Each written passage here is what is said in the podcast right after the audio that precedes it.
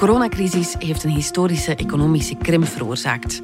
Veel bedrijven kregen het moeilijk en konden slechts overleven door overheidssteun. Ook voor gezinnen was het niet makkelijk.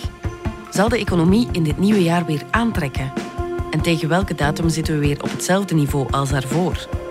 Het is dinsdag 5 januari. Ik ben Lise Bonduel en dit is de podcast van de Standaard.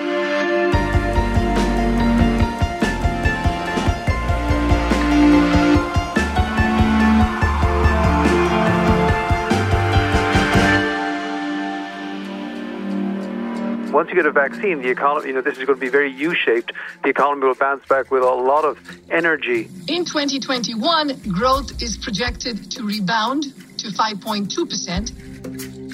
Economiejournalist Ruben Mooiman. In 2020 hebben we een heel jaar lang gehoord dat de coronacrisis nefast is geweest voor de economie. Maar hoe nefast precies? Kunnen we daar ondertussen cijfers op plakken?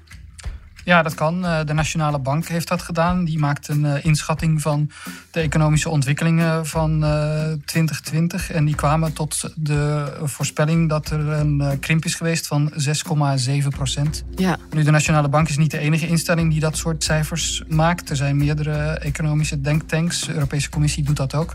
Die waren nog iets pessimistischer. Die kwamen op een krimp uit van 8,4 procent. Eh, dus dat zijn echt wel heel slechte cijfers. Als je weet dat in normale omstandigheden groeit de economie in 2, 3 procent. Dat zijn normale situaties. Dit is echt een heel slecht jaar geweest voor de Belgische economie.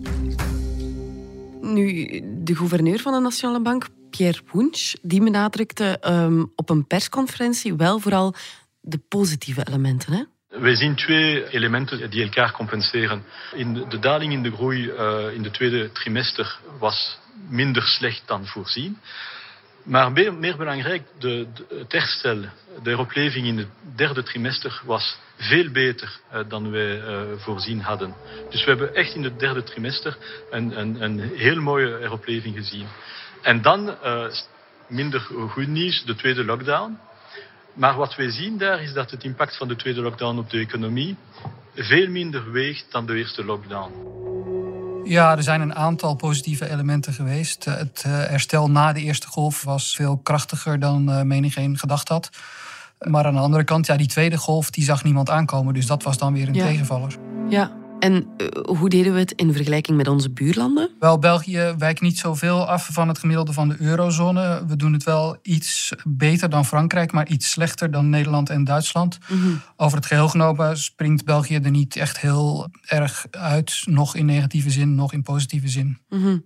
En tegenover de financiële crisis die we hadden in 2008, 2009? Ja, dit is een veel ernstigere crisis dan toen. Toen in 2009 is de economie met 2% gekrompen. Dus dit is echt drie tot vier keer zo erg.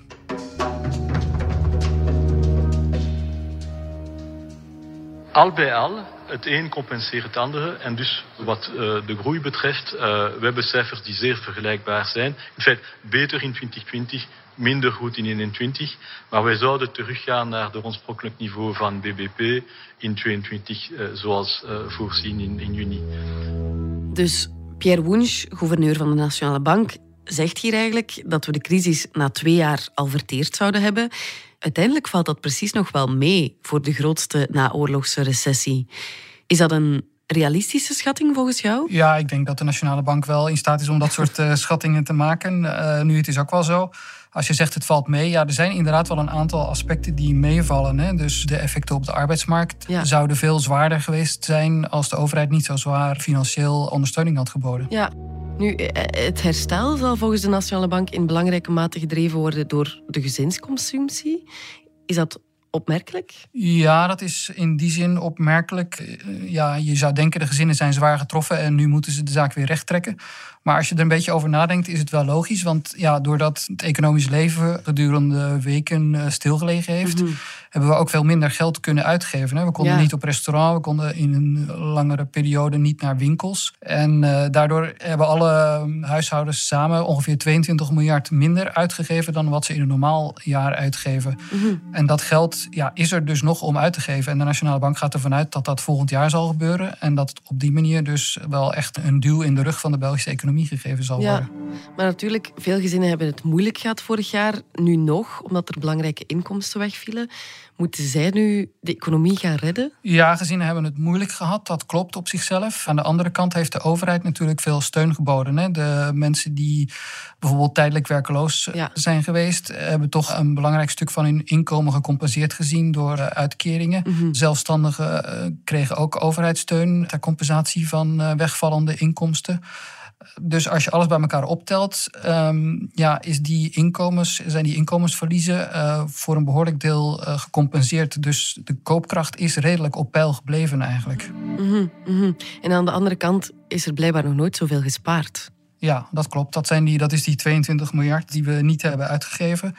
En die we dus nog ter beschikking hebben om in de economie eh, te pompen, om het zo maar te zeggen. Ja, en stel nu dat het uitgavenpatroon van de gezinnen structureel veranderd is door de coronacrisis, dat we met z'n allen gaan consuminderen in plaats van consumeren, minder citytripjes. Eh, Is dat een mogelijkheid? Dat kan. Het is moeilijk te zeggen hoe het eh, zich zal ontwikkelen. Maar er zijn ook mensen die rekening houden met het tegendeel. Dat mensen juist extra veel gaan uitgeven eens dat het weer kan. Dus dat ze zo blij zijn dat de crisis eh, achter ons ligt. Ja, Ja. Dat ze zich in een enorme uitgavengolf eh, werpen. Er wordt dan gesproken over revenge spending. Dus het geld dat we niet hebben kunnen uitgeven... gaan we dan alsnog met extra veel enthousiasme uitgeven. Dus het is mogelijk dat dat, dat, dat gebeurt... en dat we dus een enorme economische boost krijgen daardoor.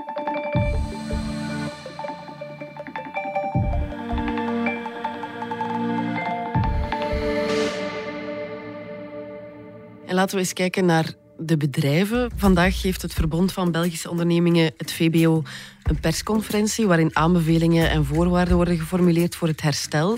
Wat verwacht je? Gaan ze nog meer steunmaatregelen vragen? Waarschijnlijk wel. Bedrijven die zijn er veel minder goed aan toe dan eh, gezinnen.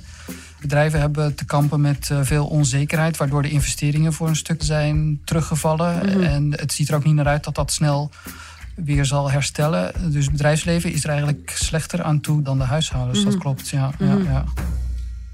Vorig jaar deden bedrijven wel weinig overnames en investeringen. Komt dat dit jaar weer op gang? Waarschijnlijk niet. Dus er wordt vanuit gegaan dat bedrijven echt nog wel met de handruim op zullen rijden. En dat er eh, wat dat betreft nog weinig sprake is van herstel. Bovendien, ja, je hebt ook de brexit die ook voor onzekerheid Ja. zorgt. Al zijn de effecten daarvan minder zwaar dan we aanvankelijk gevreesd hadden. Maar toch, er is een heel klimaat van onzekerheid. En daar houden bedrijven niet van. hè. Bedrijven investeren als ze zeker weten dat die investeringen gaan renderen. Ja. En zolang daar onzekerheid over blijft hangen, zullen ze terughoudend blijven. Dus Ja. dat effect gaan we wel blijven hebben. ja, maar er zijn ook wel sectoren die het echt goed gedaan hebben, hè? die zelfs baat hebben gehad bij de coronacrisis. Klopt, ja, ja. Er zijn verschillende sectoren. eh, ja, de voedingswinkels, eh, supermarkten en zo hebben het natuurlijk goed gedaan. Doordat de horeca gesloten was. Dus alles wat we niet in de horeca hebben uitgegeven, hebben we voor een stuk gecompenseerd door zelf eten te koken. En daarvoor moesten we natuurlijk aankopen doen in de supermarkt. E-commerce heeft het ook heel goed gedaan, uiteraard. Eh, mensen bestelden allemaal pakjes online. En niet te vergeten de farmasector natuurlijk, die eh, in België ook behoorlijk belangrijk is. België is een echte farma-hub.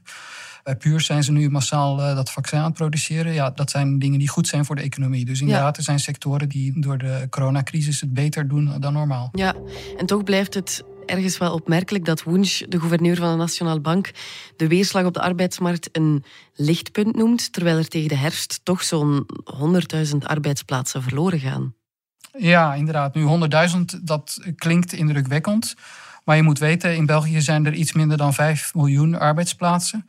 Dus als je dan weet dat de economie met 7 à 8 procent gekrompen is, ja, dan is 100.000 op 5 miljoen eigenlijk een enorme meevaller. Ja. Eh, bovendien, de afgelopen jaren heeft de arbeidsmarkt zeer goed gepresteerd. Sinds de vorige crisis zijn er zo 450.000 jobs bijgekomen.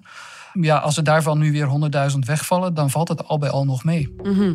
En als we dan kijken naar de beurs, klopt het dat er daar optimisme heerst over het beursjaar?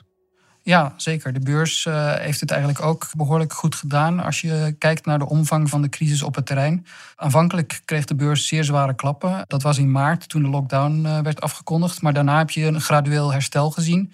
In Amerika hebben de beurzen relatief snel de crisis achter zich gelaten. Nu gebeurt dat ook op de Europese beurzen. Er zijn Ja. er eh, verschillende die alweer op een punt staan dat hoger is dan aan het begin van de crisis. In België is dat nog niet het geval. Dus de Bel 20 moet nog zo'n 12% inhalen voordat de crisis helemaal verteerd is. Maar al bij al zou de schade op de beurs ook veel erger geweest kunnen zijn dan dat die in werkelijkheid is.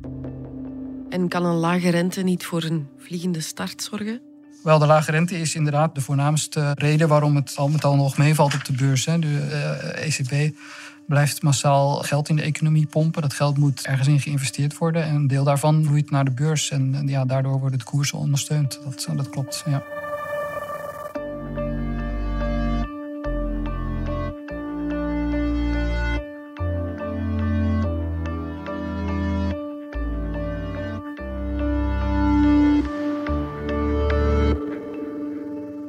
Woord uh, steunmaatregelen is hier al een paar keer gevallen. Iedereen weet dat de overheid heel veel heeft uitgegeven om de crisis te bestrijden. Veel te veel volgens sommigen. Wat denk jij? Wel, ik denk niet veel te veel. Ik denk dat de zaken die we daar juist besproken hebben, de relatief milde gevolgen voor de arbeidsmarkt en voor de koopkracht, dat die uh, te danken zijn juist aan die krachtige respons van de overheid, die heel veel geld tegenaan heeft gegooid. En ik denk ook dat dat voor een stuk terecht is, omdat je nu heel goedkoop kan lenen als overheid. Hè? Mhm, dus oké, mhm. het klopt, de begrotingstekorten lopen op. Wat betekent dat ook de staatsschuld omhoog gaat. Dus mm, ja, België als land leent geld om de crisis te bestrijden. Ja. Maar de rente op die uh, leningen is, is zeer laag, om niet te zeggen onbestaande. Want België leent tegen nul of zelfs negatieve rente. Ja. Dus ja, dat geld komt bij de staatsschuld. Maar mm. de financiële lasten daarvan die, die vallen ontzettend mee. Dus als je ervoor zorgt dat de economie nu snel herstelt, dan heb je eigenlijk gewonnen. Want dan, ja, dan ben je ook weer in staat om die schulden makkelijker af te betalen. Mhm. Dus economen hebben al gezegd, ja, zolang de groei hoger is dan de rente op de staatsschuld, zijn de gevolgen op lange termijn voor die hogere staatsschuld niet dramatisch. Mm. Dus het is eigenlijk zaak om die groei zo snel mogelijk weer op mhm. gang te krijgen. Het is niet zo dat zich dat dan later gaat wreken. Nee, de staatsschuld zal wel uh, voor geruime tijd hoog zijn, maar die blijft terugbetaalbaar. Dus als die groei weer op gang komt, dan zal de staatsschuld als percentage van de economie langzaam maar zeker afnemen. Ook al is die in absolute cijfers uh, gegroeid. Ook omdat de steunmaatregelen uh, tijdelijke uitgaven zijn en geen structurele. Ja, klopt. Het, is, het wordt gevaarlijk als je inderdaad structurele uitgaven met geleend geld gaat financieren. Nu, af en toe is dat ook wel gebeurd in België. Eh, bijvoorbeeld door de minimumpensioenen te verhogen. Dat is een maatregel waar veel kritiek op gekomen is. Ah, ja. Maar die tijdelijke werkloosheid, eh, dat zijn inderdaad puur tijdelijke maatregelen... waarvoor je gerust mag lenen volgens de economen. Nu, uh, wordt het als een probleem gezien dat de budgettaire teugels gevierd worden. Een paar weken geleden vertelde hoofdcommentator Bart Sturtewagen hier nog dat geld uitgeven en veel schulden maken eigenlijk niet zo'n gigantisch probleem zijn voor een overheid. Nee, op het moment dus inderdaad niet, omdat de rente zo laag is, is veel schulden maken niet echt een gigantisch probleem. Dat klopt. Je moet er alleen wel voor zorgen dat, ja, dat je niet in een situatie terechtkomt waarin je permanent met grote gaten in de begroting komt te zitten. En mhm. dat is waar de Nationale Bank een beetje bang voor is. Dus zij zeggen het begrotingstekort voor 2020 zal op ongeveer 10% uitkomen. Dat is gigantisch. Maar goed, voor een uitzonderlijke situatie zoals de coronacrisis kan dat. Alleen je moet dan daarna wel zorgen dat je weer in een beheersbaar uh, begrotingstekort terugkomt. En uh, ja, de vrees is dat dat heel moeilijk zal zijn. Dat we op een niveau van 6% blijven hangen. Wat eigenlijk te veel is en wat, wat op termijn onhoudbaar is. Ja, en heb je er vertrouwen in dat deze regering en de gezondheidscrisis en de begrotingscrisis kan bemeesteren? Ja, op zich zie ik niet in waarom de regering dat niet zou kunnen. Maar ik denk dat veel ook afhangt van de internationale conjunctuur. Als de economie overal weer vlot op gang komt en zich weer goed zal herstellen, dan zal België daar mee van profiteren. En dan komt die groei op gang. En dan, uh, dan, dan zijn we inderdaad uit de gevarenzone. Ik, ik acht dat niet onmogelijk. Ik denk, ik denk dat dat wel kan, ja. Sommigen zeggen eh, dat we onderschatten wat ons te wachten staat. De echte economische schok moet volgens hen nog komen, omdat de crisis natuurlijk ja, nog lang zal duren en we de steunmaatregelen niet eeuwig kunnen rekken. Nee, dat klopt. Daar is inderdaad wel uh, wat vrees voor dat er op termijn nog veel nadelige effecten zullen aankomen. Wat je nu bijvoorbeeld ziet is dat het aantal faillissementen veel lager ligt dan normaal. Dat is eigenlijk uh, het tegendeel van wat je zou verwachten. Maar dat komt doordat de overheid zoveel geld steekt in steunmaatregelen dat bedrijven min of meer kunstmatig overeind worden gehouden. En hetzelfde geldt een beetje voor die tijdelijke werkloosheid. Ook daarvan kan je je afvragen, ja, komen al die jobs wel weer terug die nu tijdelijk door de overheid worden ondersteund? Dus dat is een zaak die nog niet helemaal duidelijk is. De Nationale Bank vergelijkt de Belgische economie eh, met de zogenaamde kat van Schrödinger. Dat is een, een filosofisch concept, heel ingewikkeld, maar het komt er eigenlijk op neer dat dat een kat is die opgesloten zit in een kartonnen doos met een portie vergif. En je weet niet wanneer hij dat vergif zal nuttigen. Ja. En je weet dus ook niet of die kat levend of dood is. Dat weet je pas als je het deksel van de doos optilt. Zo is het ook met de Belgische economie. Je weet pas hoe die eraan toe is als de crisis echt helemaal voorbij is. Ja, en in welke mate is alles eh, afhankelijk van de vlotte uitrol van de vaccinaties? Staat of valt het economische herstel met die vaccinatiestrategie? Ja, het, het, het economisch herstel staat of valt met het einde van de beperkende maatregelen die Ja. de economie afremmen. Dus als je met een vaccinatie zover kunt geraken dat, ja, dat de economie gewoon weer op volle kracht kan draaien, dat we geen eh, lockdowns meer hebben, dat eh, iedereen weer massaal naar de winkel kan gaan, dat we weer festivals kunnen organiseren, Ja. dat we weer op café kunnen gaan, dat alles weer ja, normaal kan functioneren, dan kan de economie snel herstellen. En als de vaccinatie daar ja, de oplossing voor zal blijken te zijn, dan is dat inderdaad het geval, ja. Ja, dat zou positief zijn. Ruben Mooiman, dankjewel voor deze positieve kijk op het nieuwe jaar. Graag gedaan. Dit was de podcast van de Standaard. Bedankt voor het luisteren. Wil je reageren? Dat kan via podcast.standaard.be. Alle credits vind je op standaard.be-podcast. Morgen zijn we er opnieuw.